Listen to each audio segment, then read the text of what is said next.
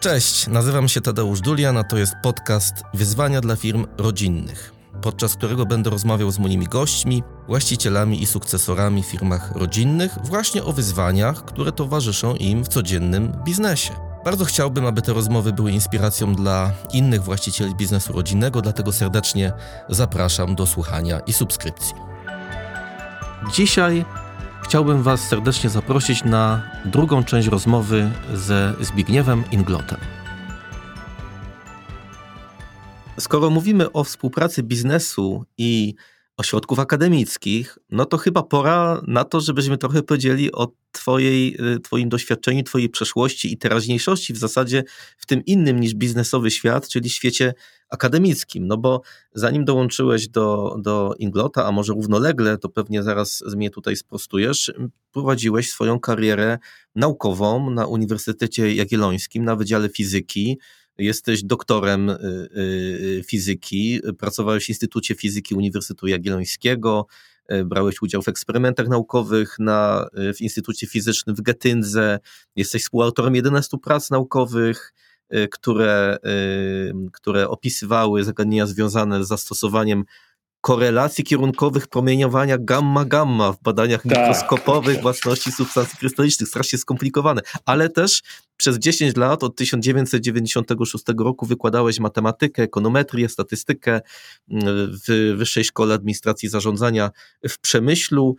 Wyższa Szkoła Informatyki Zarządzania w Rzeszowie. Tutaj jesteś członkiem konwentu, prawda? Tak, tak, tak. Tamta szkoła pierwsza, którą wspomniałeś, ona miała siedzibę w Przemyślu, więc to było bardzo łatwe dla mnie cieszyło mnie to, że mam kontakt y, z, y, z młodzieżą.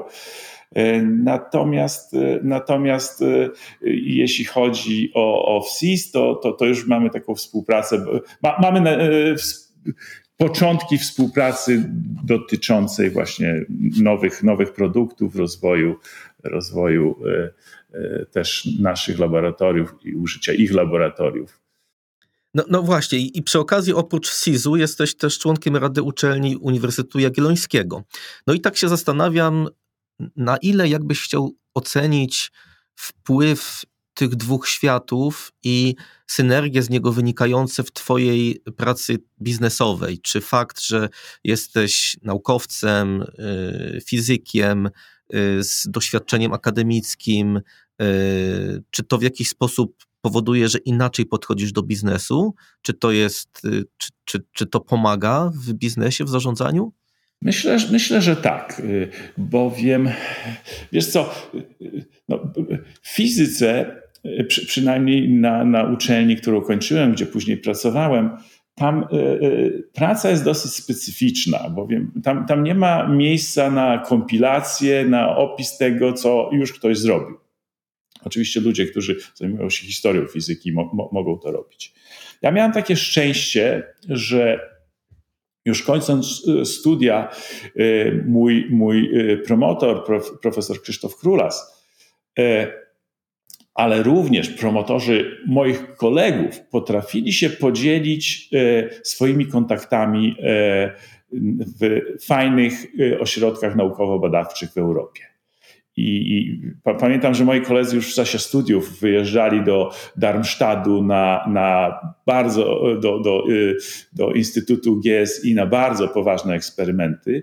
Ja miałem to szczęście, że, że, że też y, y, gdzieś tam na początku pracy doktorskiej dostałem taką szansę. Wiadomo, że to były lata 80., więc takie dosyć smutne i, i, i na pewno na, na, na fizykę, a w szczególności fizykę jądrową, było malutko pieniążków w Polsce i to, co mogli, mogliśmy zobaczyć i w czym uczestniczyć, na, na, na, na, głównie w Niemczech, ale, ale wiem, że koledzy wyjeżdżali też do, do Szwecji, do, do, do, do, do Francji, no, no to, to była niesamowita przygoda. To, to był po prostu raj, raj e, dla nas. W 1999 roku byłem, byłem na ostatniej swojej konferencji. Po konferencji w RPA została opublikowana moja ostatnia praca. E, I, i, i, I wtedy nastąpił taki dłuższy rozbrat, chociaż serduszko cały czas gdzieś tam wibrowało w, w, w kierunku fizyki, ponieważ jest, tak jak wspomniałeś, jestem członkiem Amerykańskiego Towarzystwa Fizycznego, więc otrzymuję co miesiąc bardzo bogatą literaturę, więc za, za, zawsze, zawsze wiedziałem, co się dzieje, co jest ważne, nad czym pracują i, i, i moi koledzy, i w ogóle cały, cały świat fizyków. Y, nawiązuję do zdania, gdzie, gdzie powiedziałem, że y, w fizyce eksperymentalnej nie ma czasu na, na, na powtór, za bardzo na powtórki, na, kompila, na kompilacje. Y, tam się szuka zwykle czegoś nowego.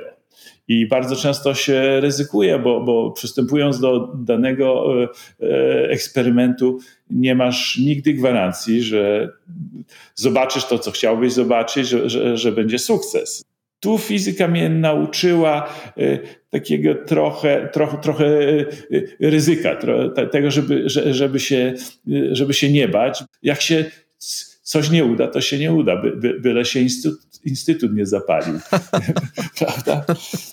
Ryzyk fizyk, tak? Tak, ryzyk fizyk.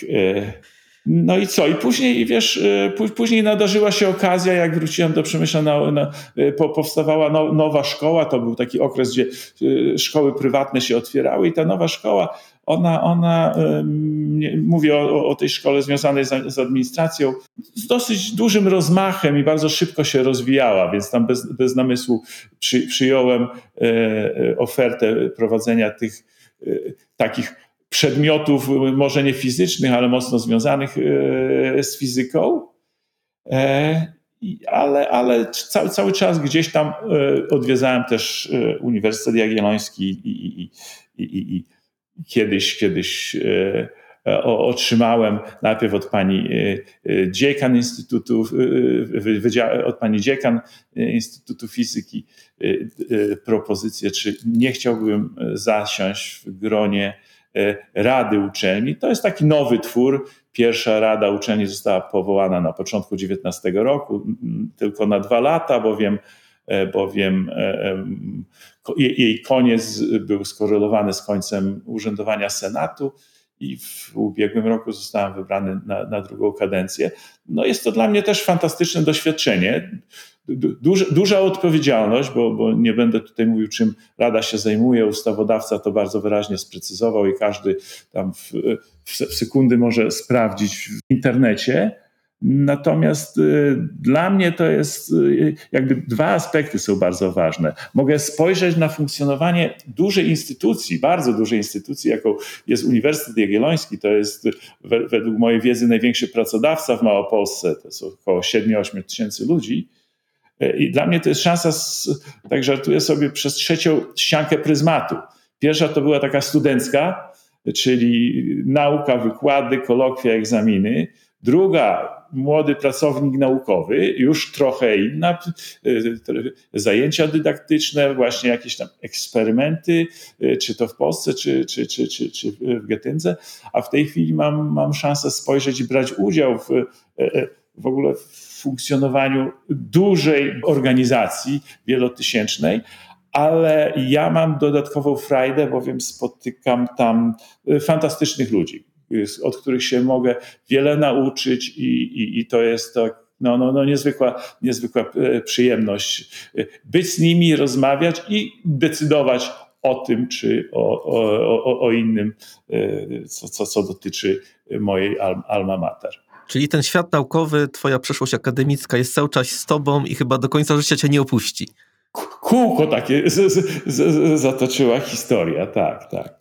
Y, chciałbym jeszcze zapytać o Centrum Solaris, dlatego że w ostatnim czasie mieliśmy okazję y, trochę jako Deloitte rozmawiać z pracownikami synchrotronu działającego w Centrum Solaris na temat tego, w jaki sposób biznes w ogóle może wykorzystywać ten y, synchrotron. Centrum Solaris realizuje badania, które są prowadzone z wykorzystaniem promieniowania właśnie synchrotronowego. E, no i wyniki tych badań można w biznesie wykorzystywać na przykład do badania trwałości rozmaitych produktów czy, czy półproduktów. E, mm, porozmawiajmy trochę o tym, bo to znowu jest taki bardzo ciekawy wątek łączenia biznesu i nauki, czy też stosowania korzyści, zdobyczy nauki w, konkretnie w zastosowaniu w biznesie, w produkcji rozmaitych rozwiązań w różnych, w różnych w zasadzie dziedzinach, prawda? Bo jak rozmawialiśmy z, z Twoimi kolegami z, z Centrum Solaris, to oni mówili, że już w tej chwili pracują z firmami, które reprezentują czy to przemysł petrochemiczny, czy energetyczny, czy, czy produkcję farb i lakierów, mnóstwo różnych branż. Chyba cały czas mało znany, mało wykorzystane rozwiązanie, jakim, jakim są te badania w Solarisie, prawda? Ja myślę, że tutaj na, należy się, drogi Tadeuszu, wyjaśnienie potencjalnym słuchaczom, że, że te ostatnie spotkania to, to również Twoja ekipa bierze udział i, i właśnie chcemy jakby poszerzyć wiedzę o Solarisie wśród y, dużego i średniego y, y, przemysłu, tak aby, tak aby, aby ludzie wiedzieli, że przynajmniej takie urządzenie istnieje. Jest to, jest to najnowsze urządzenie z dziedziny fizyki w Polsce. Myślę, że, że długo nic poważniejszego się, się nie wybuduje. I, I to, co wspomniałeś, to jest jakby szerszy zakres, bo, bo w tej chwili ja już też o tym wspomniałem, jest bardzo dobry klimat do współpracy e, instytutów, e, pracowni naukowo-badawczych e, z przemysłem. Ja tu, jeśli chodzi o, o naszą firmę, to, to, też mamy jakieś już fajne osiągnięcia i, i, i, i wydaje mi się, że fajne plany. Otóż tak, taką ciekawostką jest to, że mój, mój brat wymyślił lakier paznokci, w którym, w którym zastosował wyrafinowany y, polimer japoński, ten sam, który jest stosowany w soczewkach kontaktowych. Dzięki temu ten lakier y, ma takie funkcje, że może przepuszczać powietrze i wodę, która może dostać się do, do, do płytki paznokcia. Ja nie, nie, chciałbym się tutaj rozwodzić, dlaczego to ważne jest i, i, i na których rynkach jest najważniejsze. Niemniej e, skoncentruję się na tym, że, e, że my jakby mieliśmy taką ewidencję makroskopową, e, że tak właściwie się dzieje, natomiast było wiele osób, które powątpiewały w własności tego lakieru. I, i ja kiedyś w nocy, nie mogąc zasnąć, przeczytałem, że do e, Krakowa, do Akademii Górniczo-Ochotniczej jedzie kilkanaście tirów wiozących e, e, jeden z najnowocześniejszych mikroskopów elektronowych, bo, bodajże trzeci wtedy na świecie po, po Stanach Zjednoczonych, drugi chyba w Gracu był. No i, i, i zadzwoniłem do szefowej tej pracowni zaraz na drugi dzień zostałem zaproszony przy pierwszej możliwej okazji, żeby ich odwiedzić. I, i, i, I rzeczywiście, rzeczywiście udało nam się nawiązać współpracę bardzo szybko. I może nie dzięki temu mikroskopowi, ale dzięki innym mikroskopom, po, po wielu miesiącach udało nam się sfotografować tą strukturę y, naszego lakieru, który, który zwiemy O2M, co jakby y, pozwoliło nam przedstawiać nasze wyniki wszystkim, którzy nie, nie wierzyli. Dzisiaj e, mamy kilka projektów e, rozpisanych. E, to są głównie projekty, które chcielibyśmy prowadzić z, z Instytutem Fizyki UJ-u, Instytutem Chemii UJ-u. I też jeden, z, jeśli chodzi o Instytut Fizyki, jeden też związany z nowymi lakierami. Mamy, mamy nadzieję na uzyskanie pewnych rezultatów przy użyciu mikrotomografu, który jest na wyposażeniu e, Instytutu Fizyki. Tutaj e, pewnie pomógłby e, mi pan Krzysztof Grabka, który jest no, głównym moim doradcą w sprawach takich naukowo-technicznych, bardziej od strony chemii, to, to mógłby pewnie z łatwością wymienić kilkanaście takich projektów które się zakończyły mniejszym lub większym sukcesem, ale jesteśmy bardzo zogniskowani na współpracę z, ze światem nauki i, i myślę, że będzie to robione ze zdwojoną energią, jak już uporamy się z naszym laboratorium, które jest, stoi, jest wykończone. Mamy teraz tylko drobne problemy z wyposażeniem bowiem, bowiem e, akurat w dziedzinie e, tych wysublimowanych sprzętów pojawiły się problemy z e, łańcuchem dostaw elektroniki mhm. i potrzebujemy, wydaje nam się, że potrzebujemy jeszcze sześciu miesięcy. Co się odwlecze, to nie uciecze. Tak jest. Chciałem jeszcze zapytać taką rzecz, bo nie tylko fizyka, ale też matematyka. Pamiętam, jak y, mieliśmy jeszcze przed pandemią bardzo przyjemną taką okazję spotykać się z tobą, z twoim zespołem na kolacji w Krakowie, to potem zrobiliśmy sobie taki spacer po plantach, usiedliśmy na ławeczce, słynnej ławeczce matematyków i stamtąd mamy kilka pamiątkowych zdjęć. Y, co ma wspólnego matematyka z Lwowem? Co byś nam chciał opowiedzieć o Lwowskiej Szkole Matematyki i ich odkryciach? Wiesz, e, e, no to, to, jest, to jest taki temat, który y, y, zaczyna być popularny, gdzie przez lata, e, gdzie przez lata niewielu ludzi zdawało sobie sprawę, kto to jest Stefan Banach. W każdym mieście mamy praktycznie ulicę albo, albo jakąś budowlę imieniem Stefana Banacha.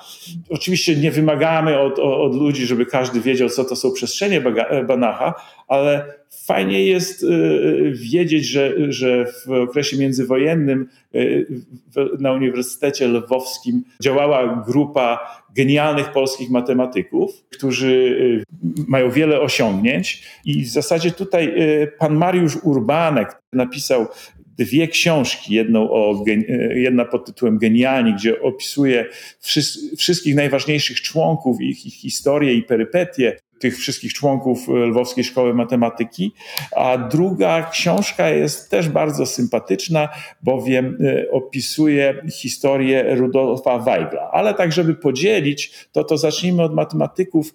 E, otóż, otóż ta Lwowska Szkoła, to, to, to powiem dwa przykłady. Jeden zabawny, a drugi, drugi taki, y, który też jest ma, mało, mało znany. Ten zabawny y, to polega na tym, że panowie bardzo y, z tej szkoły bardzo lubili spotykać się w restauracji szkocka. No i, i no, sama nazwa restauracja mówi, że, że podawano tam nie tylko pie, pie, pierogi czy śledzie.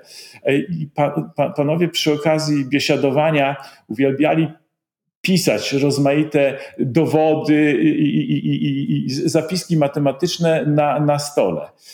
I tak się składało, że no jak poszli do domu, to, to porozchodzili się do domów, to stoły w naturalny sposób były czyszczone z tych, tych zapisków ołówkiem. E, i, i, panowie wpadli na pomysł, że, że e, właściciel, żeby nie czyścił tych stołów, tylko żeby zakrywał serwetką, e, a oni rano przyślą studentów, którzy spiszą, co tam jest zapisane. Problem był taki, że no niekoniecznie wszystko pamiętali dobrze e, z poprzedniego wieczoru. Także to jest taka zabawna historia, a Ciekawostką jest to, że, że jeden z członków tej szkoły matematycznej Stanisław Ulam. On przed wojną wyjechał e, do Stanów Zjednoczonych e, na, na, na serię wykładów i, i on został włączony, włączony do e, częściowo, chociaż tam znaczenie jego nie było takie duże, do projektu Manhattan, a więc projektu, gdzie tworzyła się pierwsza bomba jądrowa. Natomiast, natomiast później został poproszony o, o to, żeby wejść do grupy, która tworzyła pierwszą bombę termojądrową. E, więc e, broń e, nieprawdopodobną, która została użyta przez ludzkość tylko dwa razy i w zasadzie twórcą tej, tej, tej, tej bomby to był Węgier Jan Teller i, i, i, i, właśnie członek Lwowskiej Szkoły Matematyki Stanisław Ulam. Natomiast jak, jak ja wspomniałem o Mariuszu Urbanku i, i, i, i, wspomniałem o osobie, y, która nazywała się Rudolf Weigl. Y, zresztą Weigl przez myślę 2-3 lata pracował w przemyskim szpitalu i on pracował nad szczepionką przeciw tyfusowi. Osoba bardzo mało znana powszechnie, która uratowała życie milionów, milionów ludzi Polecam książkę, gdzie, gdzie między innymi opisane jest skąd brano e, e, materiały do produkcji tej, tej szczepionki. I, i zresztą Weigl dwukrotnie był, we, we, jeśli mam po, poprawne informacje, dwu, dwukrotnie otarł się o Nobla, ale gdzieś tam w okresie wojennym przyznawanie Nagrody Nobla to, to takie było bardzo, ba, bardzo mocno uzależnione e, politycznie w naturalny sposób. Zależy od, od, od państw wpływowych. A ale jak, jak tak wspomniałeś, jeszcze my, jeśli mamy kilka minut, to, to ja w, w, ogóle lubię opowiadać o tym, co się, co o, ludziach tutaj z, z Podkarpacia, którzy niekoniecznie e, też, też są znani. Otóż w 2002 lub 2003 roku Nagrodę Nobla z dziedziny fizyki e, dostał e, profesor Frank Wilczek z MIT i jego, jego korzenie są gdzieś tam w, po kilkadziesiąt kilometrów od, od Przemyśla na południe, z tych samych okolic, skąd pochodzi profesor Stanisław Pigoń, jeden z najwybitniejszych polonistów polskich, zresztą rektor Uniwersytetu Stefana Batorego w Wilnie. Też jakby osoba mało znana, może starsi słuchacze pamiętają taką czytankę, z komborni w świat. Wtedy, wtedy, wtedy y, to, to 45-50 lat temu można było więcej o, o Pigoniu się dowiedzieć. No oczywiście dzisiaj przy pomocy internetu można się szybko dowiedzieć, wiedza jest mała. Czyli Pigoń pochodził z Komborni, tak? On z Komborni, tak jest. Aha. Dzisiaj w Komborni jest piękny dwór, w którym czasami na rozmaitych konferencjach bywamy, ale nie wiedziałem właśnie, że tak znane nazwiska y, z takich, z takich ma, ma, małych miejscowości gdzieś się wywodzą. Tak, i tutaj, tutaj cię, drogi Tadeuszu, zaskoczę, bowiem, bowiem ja y, znajduję się w tym naszym y, prywatnym hotelu, w którym kiedyś było drugie liceum y, ogólnokształcące w Przemyślu. To był jeden z dwóch budynków. Na pewno w tym budynku, gdzie ja jestem, znajdowała się pracownia chemii, bowiem pamiętam, ja jeszcze nie chodziłem do liceum, jak, jak tą pracownię ewakuowano. I tu na pewno uczyła się pani, która nazywa się Lidia Morawska. Y, I, jak sobie wgooglujesz, to pani Lidia Morawska jakieś 2-3 tygodnie temu została, została uznana przez Time e, y, jako osoba ze stu tych, które najbardziej wpłynęły na świat e, w obecnym roku. E, pani, dzisiaj pani profesor Lidia Morawska jest, pracuje w Brisbane i zajmuje się gazami, aerozolami, co w naturalny sposób jest związane z procesem transmisji e, COVID-a. Także gorąco polecam Ci przeczytaj, bo jest to bardzo ciekawe. Jako, tak już żeby spiąć klamrą, to pani Morawska później kończyła fizykę w Instytucie Fizyki UJ-u, tylko jak ona broniła doktorat, to ja dopiero przechodziłem z, po trzecim roku do, do, do takiej grupy, grupy e, e, gdzie, gdzie już tam profesorowie nas doproszali na herbatki, na, na, na rozmaite imprezy. Także miałem pecha, bo z panią Morawską nigdy jej nie, nie, nie poznałem.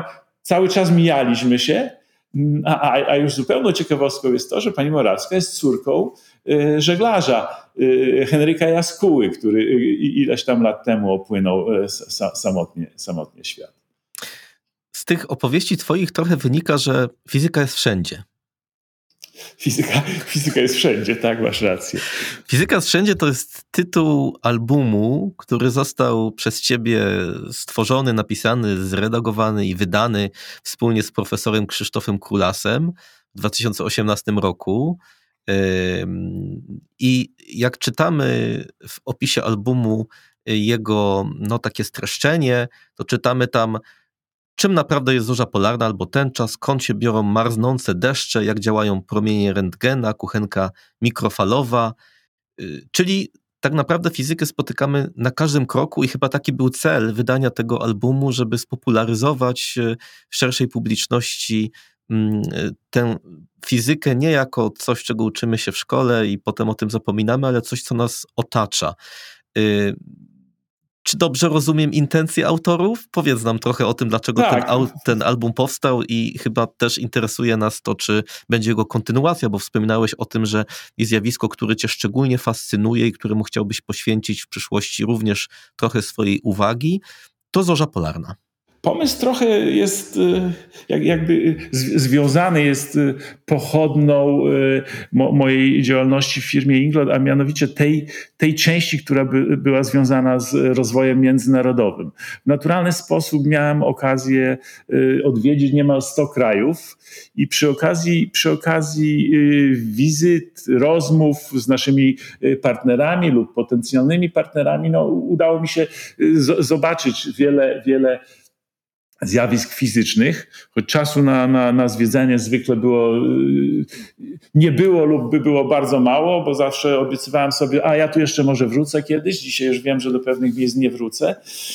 Zamarzyło mi się, aby wydać taki album, gdzie w, gdzie konstrukcja będzie tak, jak opisałeś po lewej stronie, zdjęcie danego zjawiska, po prawej opis, kilkanaście zdań, bez wzorów, bez liczb, bez wykresów, tylko y, prostym y, językiem. No i w naturalny sposób zwróciłem się do, do, do Krzysztofa e, Królasa, wspomnianego już tutaj, e, i, i, i spytałem się, co on o tym sądzi, zadając mu, e, prosząc go, żeby się nie śmiał, jeśli uważa, że to jest głupi pomysł. Więc on tak się mocno, mocno zastanowił i mówi, że widzi jeden, jeden problem czy czegoś takiego już nie ma na rynku. Więc ja, ja mu powiedziałem, Krzysztof, ja właśnie wracam z Warszawy i y, y, byłem chyba w sześciu czy siedmiu księgarniach i, i patrzyłem, czy coś takiego się znajduje i nic, niczego nie, nie, nie, nie, nie zobaczyłem, co mogłoby być, bo powiedziałem sobie, że nawet jeśli zobaczę, to nie otworzę, żeby się nie zainfekować. Natomiast dla uspokojenia powiedziałem, że zobacz, widziałem chyba sześć albumów Polska, trzy Poland, dwa Polen i, i, różnych aktorów i nikomu to nie przeszkadzało, żeby robić swoje. Ja powiedziałem, no to róbmy swoje.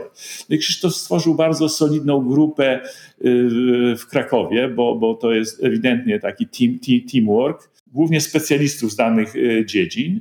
My, my w Przemyślu też stworzyliśmy grupę, tam e, dużo e, materiałów, zdjęcia, jak i, i, i niektóre rozdziały, a później cała korekta językowa w dużej części była w Przemyślu robiona. Mieliśmy taką grupę krakowsko-przemyską, no, no, no i się udało. I teraz co? Pytasz o, o, o dalsze losy. Więc y, trochę te dalsze losy zostały spowolnione przez pandemię, niemniej mamy właśnie y, y, już wersję angielską, nie wydaną, tylko przetłumaczona została cała treść. W tej chwili będziemy chcieli dać do przeczytania album kilku native'om, e, kolokwialnie mówiąc, żeby się wypowiedzieli. I myślę, że może w 2023 uda się wy, wy, wydać wersję angielską. A rzeczywiście to, to o czym w, w, wspominałem, to, to o, o Zorzy Polarnej chciałbym wydać e, grub, grubszy, grubszy e, album, który cały mam w głowie, natomiast tak boję się trochę, że to już na emeryturze będzie, bo, bo, bo czasu, czasu cały czas brak. No tak, no bo ty jesteś bardzo zabiegany, dużo podróżujesz, może teraz w trakcie pandemii troszkę mniej, ale pamiętam jak ostatnio się próbowaliśmy umówić na jakieś wspólne wino, to mówiłeś to za parę miesięcy, bo ja już mam kalendarz dograny i wszędzie latam do, do, do, do moich sklepów, do moich lokalizacji, żeby tam przynajmniej raz na jakiś czas się pojawić.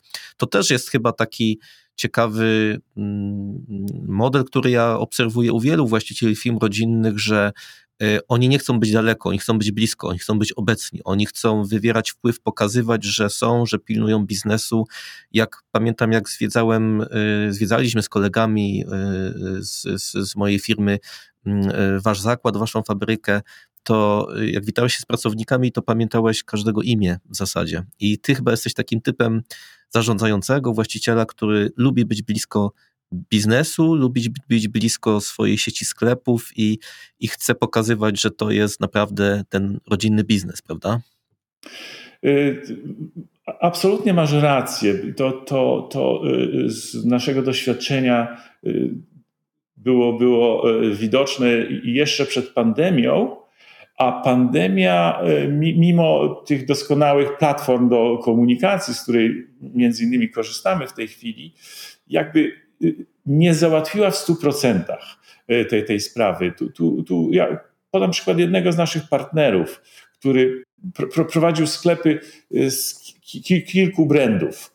I e, pamiętam, jak opowiadali mi właściwie on, jego rodzina, jak często y, odbywa się y, kontakt y, z, z dużymi firmami, że przyjeżdża ktoś, którego nie znają, są, są rozmowy, później jest podpisanie kontraktu, za trzy miesiące ktoś inny się odzywa, za sześć miesięcy jeszcze ktoś inny. Bardzo często są problemy z egzekucją wspólnych ustaleń.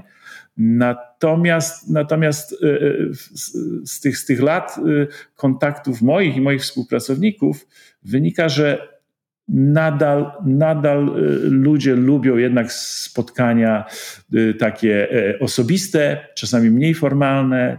Dla przykładu w tej chwili według mnie mamy, mamy dwójkę lub trójkę pracowników e, w Dubaju na, na rozmowach, e, jakieś tam kolejne wyjazdy powoli się, się szykują. To jest niewątpliwie ważny element, przynajmniej w tym, w tym naszym e, skromnym wycinku, e, e, jeśli chodzi o, o sprzedaż detaliczną. Mhm. Chciałem jeszcze chwilkę porozmawiać o pandemii, bo tak w kilku momentach naszego podcastu trochę jej dotykaliśmy. Pamiętam też naszą rozmowę przed pandemią, jak mówiłeś o tym, że pandemia pokaże, czy jesteśmy w stanie się przestawić na trochę inne myślenie, działać bardziej w oparciu o wartości, odnaleźć te wartości, trochę przedefiniować cel w ogóle biznesu i sposób postępowania nasz. My, jako Deloitte Private, czyli grupa taka globalna zajmująca się firmami rodzinnymi i prywatnymi, wydaliśmy raport pod tytułem Globalne perspektywy dla firm prywatnych i ta część dotyczyła właśnie pandemii, zatytułowana Kryzys katalizatorem zmian. To jest raport z badania kadry zarządzającej e, prawie 3000 firm prywatnych e, z całego świata z czego 50% to byli właściciele i członkowie zarządów, a, a, a drugą połowę stanowili przedstawiciele, kierownicy departamentów, dyrektorzy linii biznesowych. No i teraz wnioski z tego badania są takie, że ponad 71% y, tych respondentów uznało, że mm, aby zbudować odporność ich organizacji firm na kryzysy, konieczna jest zmiana modelu i miejsca pracy. Y, prawie 70% y, przyznało, że w trakcie kryzysu transformacja cyfrowa znacznie przyspieszyła. Ponad 60 y, stwierdziło, że w większym stopniu niż do tej pory działania firmy będą nastawione na zrównoważony rozwój, redukcję CO2. Ponad 60% stwierdziło, że pandemia sprzyjała tworzeniu nowych relacji partnerskich aliansów, a więc ta zmiana wynikająca z pandemii i trochę przewartościowanie również rynku naszych y, partnerów, naszych klientów, y, tych interesariuszy y, mocno tutaj nastąpiło, ale też na przykład wspomniany przez siebie łańcuch dostaw.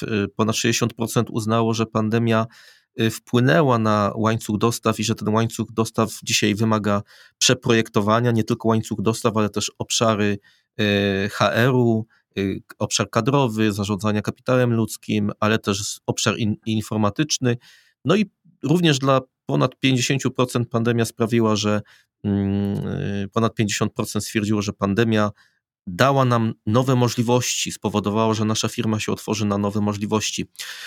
Czy ty podzielasz któreś z tych wniosków, które teraz przytoczyłem i jakie są twoje wnioski po tych 18 miesiącach pandemii? Czy, czy my się czegoś nauczyliśmy? Czy dzisiaj mamy tą odporność, która pozwoli nam złagodzić skutki kolejnych kryzysów, kolejnych pandemii? No i też jak, to, jak Twoim zdaniem to wygląda w tym obszarze firm prywatnych i rodzinnych? Czy one z racji swojej elastyczności, zwinności y, są lepiej predestynowane do tego, żeby z takich kryzysów wychodzić? Muszę Ci powiedzieć, że ze zdecydowaną większością się, się e, zgadzam. Niektóre, niektóre z, e, z, tych wniosków może nie dotyczą naszej firmy. E, już w pierwszym punkcie to, to e, jest, może nie, niekoniecznie chcemy zmieniać miejsce pracy, ale model w rzeczywistości trzeba, trzeba zmieniać i tutaj jest sporo roboty. Jeśli chodzi o, o, o transformację cyfrową, to na pierwszym miejscu postawiłbym. Także tutaj mój, mój głos jest y, taki, że to dla nas jest najważniejsze. 61% y, dla e, tworzenia nowych relacji to może niekoniecznie nas dotyczy, ale później wszystko, co, co, co dotyczy obszarów HR-u i IT, jak najbardziej tak. Pytasz o naszą firmę w szczególności. Ja nauczyłem się tego i, i, i mam nadzieję, że, że, że uda mi się przekonać zarząd, że my winniśmy bardziej wykorzystać nasz brand. Że, że, że w zasadzie ja, ja, ja jestem w posiadaniu dosyć fajnej analizy, czym zajmują się inne firmy i jak brand może służyć do innego typu działalności. Ja, ja, nie mówię tutaj o, tylko o dobrach konsumpcyjnych, ale, ale firmy, które pro, produkują kosmetyki czy, czy perfumy, są właścicielami restauracji czy biur podróży, knajp. E, jeśli chodzi o, o, to otwarcie, mam nadzieję, że już jak Grzegorz będzie na pokładzie, że, że wrócimy do tego tematu, który jakby kiedyś, kiedyś sprowokowałem, ale został on e, zapomniany.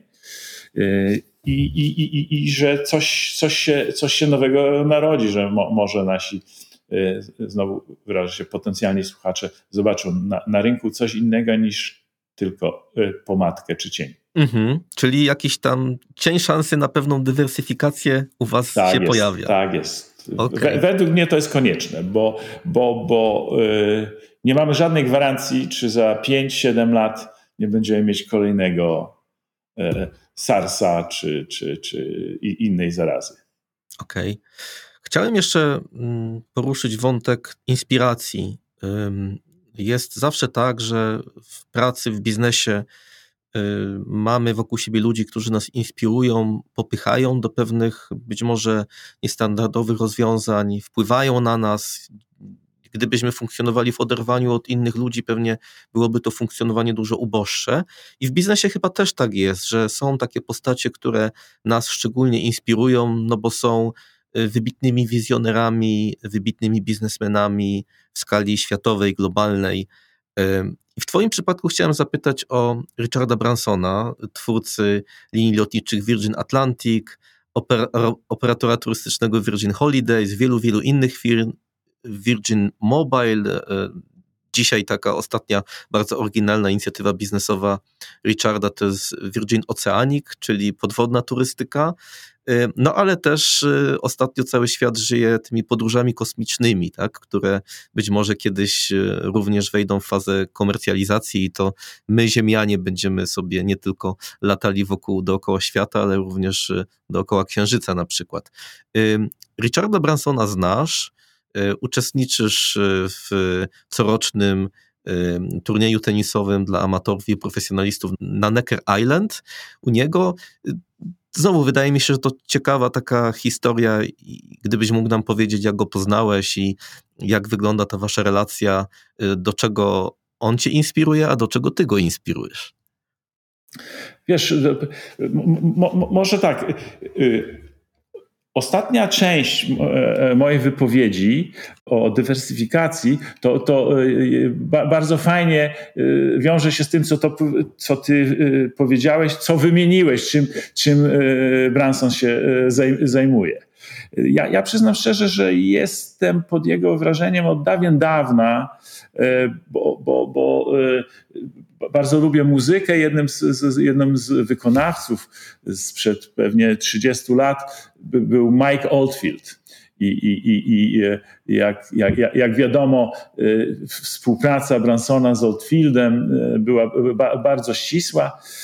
Dla tych, którzy chcą znać więcej, więcej szczegółów, odsyłam do, do e, książki, chyba pod tytułem Kroki w nieznane. To, to była e, bodaj pierwsza książka e, przetłumaczona, później na, na, na, na 100% pojawiła się następna. Ja do Bransona rzeczywiście dostałem się przez tenis, bowiem nasza firma przez lata, gdzieś tam od 2012 roku, a może 2011, była współ E, organizatorem albo partnerem w takiej fajnej inicjatywie, która odbywała się rok rocznie w e, Nowym Jorku, w konsulacie w Nowym Jorku. E, I ona odbywała się w ostatnią sobotę przed rozpoczęciem US Open i nosiła nazwę US Goes Polish. Impreza ta była tak skonstruowana, że zapraszani byli wszyscy tenisiści i tenisistki, którzy mieli polskie korzenie. I okazało się, że tych tenisistów było bardzo dużo i, i imprezy były niezwykle e, fajne.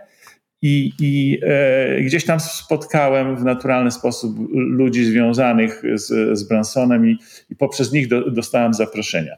No, rzeczywiście w, wizyty u, u, u niego na, na, e, na, na jego wyspach E, e, były niezwykle inspirujące, bo, bo e, można było z nim bardzo spokojnie porozmawiać, bez żadnego pośpiechu, jak to się często bywa, spotykając się z tak ważnymi osobistościami. To były imprezy kilkudniowe, więc tym bardziej tego czasu było mnóstwo. Ja oczywiście o działalności Bransona nie, nie, chcę mówić, bo ona jest doskonale opisana, właśnie szczególnie w tej pierwszej książce. Natomiast chciałbym e, powiedzieć, że, że e, no, no, on sam jest tak niezwykle normalną, spokojną osobą, w, w, sensie takiej komunikacji międzyludzkiej. Jest normalnie ubrany, normalnie się żywi, tak jak, jak, jak, jak, jak jak w ogóle nie celebryta, a, a ma prawo pretendować do, do takiej do takiej osobistości. Ciepły, miły, sympatyczny i mam, mam nadzieję w naturalny sposób w ubiegłym roku była przerwa, w tym roku pewnie też nic z tego nie wyjdzie, bo któż by chciał zapraszać na swoją prywatną e, wyspę e, kilkadziesiąt osób, no jest raczej pewne, że ktoś coś przywlecze. E, więc, więc mam nadzieję, że, że po, po, powróci, powrócimy do tego na, na, na drugi rok lub, lub najpóźniej za, za dwa. Przygotowując się do rozmowy, przygotowując te tezy, wybrałem 10 mm, cytatów, które są ulubionymi cytatami Richarda Bransona, których celem jest zmotywowanie do prowadzenia firmy, y, gdy będą trudniejsze chwile przedsiębiorców. Y, nie będę czytał tych cytatów teraz, ale chciałbym Ciebie zapytać, czy wśród tych 10 cytatów jest jakiś jeden, który dla Ciebie jest szczególnie ważny i który chciałbyś jakoś skomentować bądź, bądź rozwinąć? Wiesz co, to ja tak zabawnie do tego podejdę, bo podoba mi się cytat y, y, numer, numer 9.2, y, ale częściowo. Tu, tutaj właśnie chodzi o to, żeby nie kopiować, żeby starać się być oryginalnym. Natomiast te drugie części są o umieraniu, także może niekoniecznie. Natomiast podoba mi się ósemka. Nigdy nie jest za późno, aby być tym, kim mógłbyś być. I dlaczego, dlaczego o tym wspominam? Bo, bo ja mam wiele niespełnionych marzeń. Jedno z, z nich to jest, aby nauczyć się dobrze grać na perkusji. I, I, już perkusję dostałem w prezencie od swojej żony i, i, dzieci, więc perkusję mam. Teraz potrzebuję trochę czasu i wytrwałości e, a, a, albo redukcji lenistwa, żeby, żeby siąść, ale, ale, ale to, to, to, jest, to, to mi bardzo mocno pasuje do y, y, numeru 8. Będziesz perkusistą jazzowym czy hard rockowym? Wiesz co, myślę, że bardziej hard rockowym. Mimo, że bardziej lubię jazz, ale, ale y, tak ta jak profesor Religa mówił, że on nie, nie może przestać palić, bo jak pali, to kaszle i traktuje to jako formę, y, jako, jako formę gimnastyki. Pewnie młodym tego nie powinniśmy y, puszczać. To, to, to myślę, że, że właśnie to by była fajna też forma gimnastyki. Czyli, aktywności fizycznej. Czyli jest pomysł na, na to, czym się zajmiesz, gdy już y, będziesz miał ochotę trochę zwolnić swoje zaangażowanie w firmie, tak? Tak, to, to, to, są, to, to są takie dwa, o których mówiłem, ta, ta, ta książka plus, plus perkusja, ale taki, taki, to, o czym naprawdę myślę bardzo poważnie, to żeby wrócić z powrotem do laboratoriów, mhm. do, do, do tych, które właśnie e, kończymy i tam bardzo chętnie bym, bym e, się pewnych rzeczy musiał oczywiście nauczyć, ale bardzo chętnie bym stworzył jakąś e, grupkę i chętnie by, by, bym chciał nie tylko sprzedawać kosmetyki, ale, ale je tworzyć. W jakiej perspektywie chciałbyś, żeby to nastąpiło? No bo to wiąże się z tym, że ktoś cię musi zastąpić i ktoś musi być przygotowany do ciebie, zastąpienia ciebie i ktoś musi wejść w twoją rolę, prawda? Wiesz co, u mnie jest, jest bardzo prosta sytuacja. Ja, ja, ja mam jeszcze raptem 3,5 roku do emerytury. Myślę, że Grzesiek przez te 3,5 roku dużo się nauczy i, i że będzie jednym z kandydatów. Myślę, że wtedy też Milena też myślę, że przez te 3,5 roku sporo, sporo się nauczą i E, od strony takiej organizacyjnej, bo w wielu dziedzinach naprawdę e, dużo wiedzą i że, że, że, że będą w stanie e, no, w dużej części przejąć stery.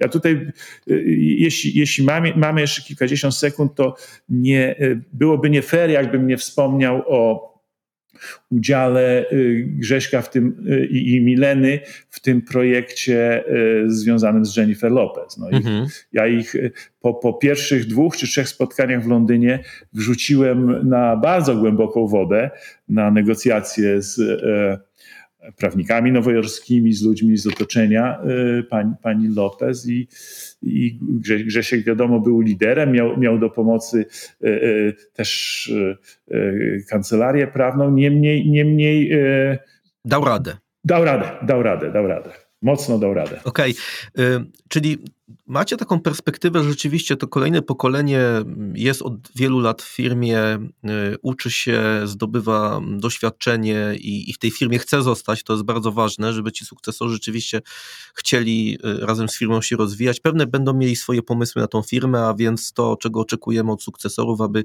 wzbogacili firmę poprzez swoje rozumienie trendów i tego, dokąd zmierza branża, to pewnie nastąpi. Czyli czy możemy powiedzieć, że, mm, że Inglot będzie zawsze firmą rodzinną, czy zawsze będzie w rękach rodziny?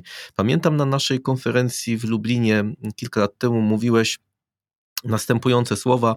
Jeszcze przed śmiercią brata firma była obiektem zainteresowania dużych koncernów kosmetycznych i funduszy inwestycyjnych, ale Inglot nie jest na sprzedaż. Jesteśmy rodzinną firmą, w której ważne decyzje podejmowane są bardzo szybko. Gdy dostajemy sygnał o dobrej lokalizacji na potencjalny sklep, jesteśmy w stanie dać odpowiedź kilka minut. Mamy możliwość, by wyprodukować salon w ciągu 48 godzin, a termin otwarcia naszego salonu uzależniony jest od czasu transportu. No i teraz tak, na ile pandemia te założenia mogła zmienić, bo wiemy już, że czas transportu, mówiłeś o tym, że te opóźnienia w laboratorium to dopiero za parę miesięcy. Y, na ile pandemia wpłynęła na waszą szybkość decydowania i też na, i też na fakt, czy na pomysł, jak się chcecie rozwijać? Czy chcecie się rozwijać dalej organicznie, czy zakładać nowe salony, szczególnie jeżeli mamy dzisiaj transformację cyfrową i duża część handlu detalicznego przeniosła się w sferę zdalną do sieci, y, czy, czy, czy dalej pomysłem na rozwój biznesu jest ten rozwój organiczny, czy może gdzieś po głowie chodzi Wam jednak albo konsolidacja, albo przejmowanie innych firm kosmetycznych? No i czy czy ten pierwszy, twoja taka bardzo mocna wypowiedź, Inglot nie jest na sprzedaż, czy to dalej tego się trzymacie i to jest wasze takie podstawowe motto? Tak, więc zanim e, odpowiem na to pytanie, to, to powiem, że odpowiedź będzie bardzo subiektywna, bo niekoniecznie musimy mieć e, jednakowe zdania jako, jako e, właściciele. Więc zauważ, że to, co zacytowałeś, to było 5 lat temu. Tak. Według mnie. Tak. 5 lat temu to jest ogrom czasu, szczególnie w, mo, w, moim, w moim wieku, i ja y, raczej zmieniłem zdanie, ale nie z powodu pandemii, tylko z powodu właśnie tego, że, że y, my, jeśli chodzi o nowocześnianie zakładu, o, o, o rozbudowę i o moce produkcyjne, y, chyba zrobiliśmy, co mogliśmy zrobić. I mam wrażenie, że w tej chwili nadchodzi taka, e, taki okres, gdzie będziemy tylko część naszego potencjału wykorzystywać. I e, ja myślę, e, że chyba chciałbym przeskoczyć się do, szybsze, do szybszego pociągu. Mhm. I, i, i, i, i dzisiaj, jak wiesz, takie bycie polskie, polsko-polskim, e, to, to już nie jest takie sexy. E, firmy się globalizują. Każda firma, która wchodzi na giełdę, mimo że ma polskie korzenie, no to, no to wystarczy, że ktokolwiek, jakikolwiek fundusz kupi z zagranicy, już nie jest polsko-polska. Dla mnie najważniejsze, że, że, że, że, że jest polska praca, e, polski wkład pracy, wkład polskiej myśli w to, co robimy. Natomiast jeśli byłby możliwy alians z kimkolwiek, żeby tej pracy było jeszcze więcej, tej myśli jeszcze więcej i żeby to, y, te produkty sprzedawać na, na tych, tych rynków mocnych, gdzie, gdzie nas brak, nie ma tak dużo, ale, ale praktycznie idzie nam jak pod górkę w Chinach ze względu na, na to, że trzeba prowadzić badania, testowania na zwierzętach. Jesteśmy nieobecni w Brazylii jest, jesteśmy, mamy bardzo słabą pozycję we Francji. Jeśli byłby możliwy jakiś alians y, y, bez definiowania konfiguracji z y, mocnym partnerem, który otworzyłby drzwi nam do, do pewnych kanałów dystrybucji, ale również, ale również wykorzystał nasze moce produkcyjne, to, to ja, przynajmniej ja, tak jak wcześniej wspomniałem, to jest subiektywne zdanie, byłby, byłbym za. Mhm, mhm.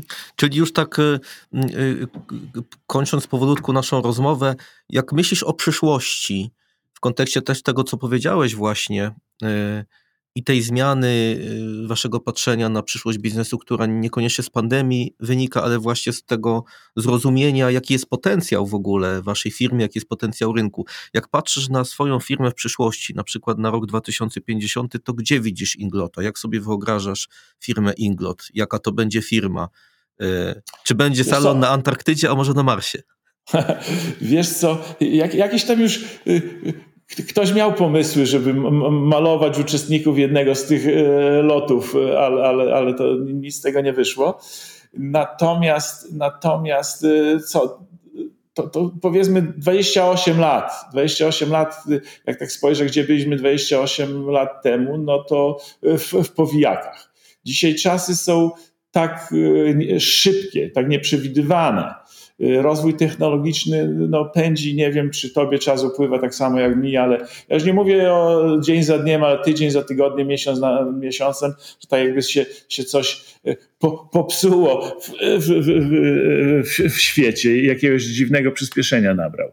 I teraz no, są, są jakby y, skrajne dwa przykłady, że pracujemy w tym samym systemie, co, co, co, co, który obowiązuje teraz. Jesteśmy stricte firmą rodzinną. Grzegorz będzie miał sześć dych za te 28, 9 lat i, i będzie się zastanawiał, czy, czy jego dzieci się będą tym zajmować, czy będą się chciały i, i, i to, to samo z Mileną, Maćkiem i pewnie z, z Mateuszem. Skrajny przypadek, że, że, rzeczywiście dostaniemy jakieś fajne oferty i, i, i, może wejdziemy do jakichś większych, większych struktur. Pewnie, pewnie są jakieś e, między tymi skrajnymi e, przypadkami jakieś pośrednie e, wyjścia. W niektórych dziedzinach życia się zmieniło bardzo wiele, ale w, nie, w, niektórych, w niektórych niewiele. Świat dzisiaj z, sprzed 28 lat w niektórych jest całkiem podobny. Ja odkryłem w zeszłym ty tygodniu e, e, e komfort podróżowania pociągiem w, w, Polsce. Także i, w, tak patrząc, będąc na, na, na, dwóch czy trzech dworcach, to, to niewiele się czasami zmieniło. Mówię takie... o tych starszych składach to czasami takie pocieszające chyba, że w tym świecie pędzącym bardzo mocno do przodu, gdzie, gdzie tą zmianę widać na każdym kroku, jednak są pewne obszary, gdzie możemy się poczuć tak samo jak 10, 15, 20 lat temu i niekoniecznie jest to staroświeckość, tylko jest to po prostu zachowanie pewnych e, obrazów z przeszłości dzieciństwa, które są pozytywne dla nas. Ja tutaj widzę ogromną rolę tych młodych pokoleń, szczególnie jeśli chodzi o edukację y, związaną z ekologią, o, o, o te śmieci, które no, no, no, zasypują nas, które wpadają do, do, do mórz. Przecież 90% śmieci, które lądują w morzach, to rzucają ludzie w rzekach. Y, I, i na, na, nasi sąsiedzi, gdzieś tam ludzie mieszkający czy odpo, odpoczywający na, na, na, na, na przy, przy, przy, przy rzece. I tutaj tutaj, no, no, no konieczny, konieczna jest edukacja młodych ludzi, żeby ci młodzi ludzie w szkole wracali do domu, kształcili swoi, swoich rodziców, czy nawet swoich dziadków. Do tego potrzebny jest jakiś fajny, fajny taki przyjazny system, który przyciągnie ty, ty, ty, to, to, to młodzież. Trochę inicjatyw się pojawia, są, są już, już takie kraje, które można by podać za, za modelowe. Tak, yy, przychodzą mi do głowy Singapur, Szwajcaria i Kanada, no ale, są, są yy, kraje, gdzie, gdzie, gdzie jesteśmy jeszcze w epoce kamienia łupanego. No to chyba powoli się zmienia i tutaj trzeba po prostu cierpliwości i czasu. Y, mój syn taką edukację otrzymywał już w przedszkolu, czyli dobre kilka lat temu przychodził do domu i mówił, tata, za długo lejesz wodę, musisz puścić, namydlić ręce, no. spłukać, no. a nie? Więc to się chyba Wspaniale. dzieje rzeczywiście, przynajmniej ta nasza młodzież tutaj takie oznaki pokazuje. Liczmy, że będzie nas pilnować i uczyć. Tak jest.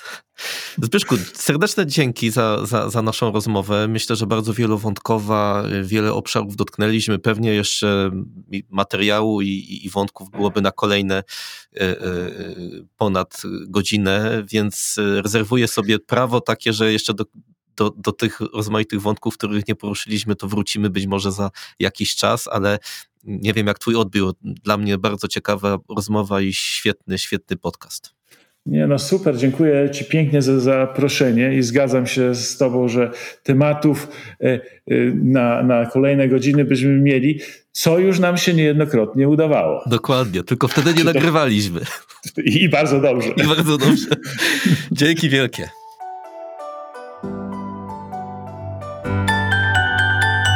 Był podcast Wyzwania dla Film Rodzinnych.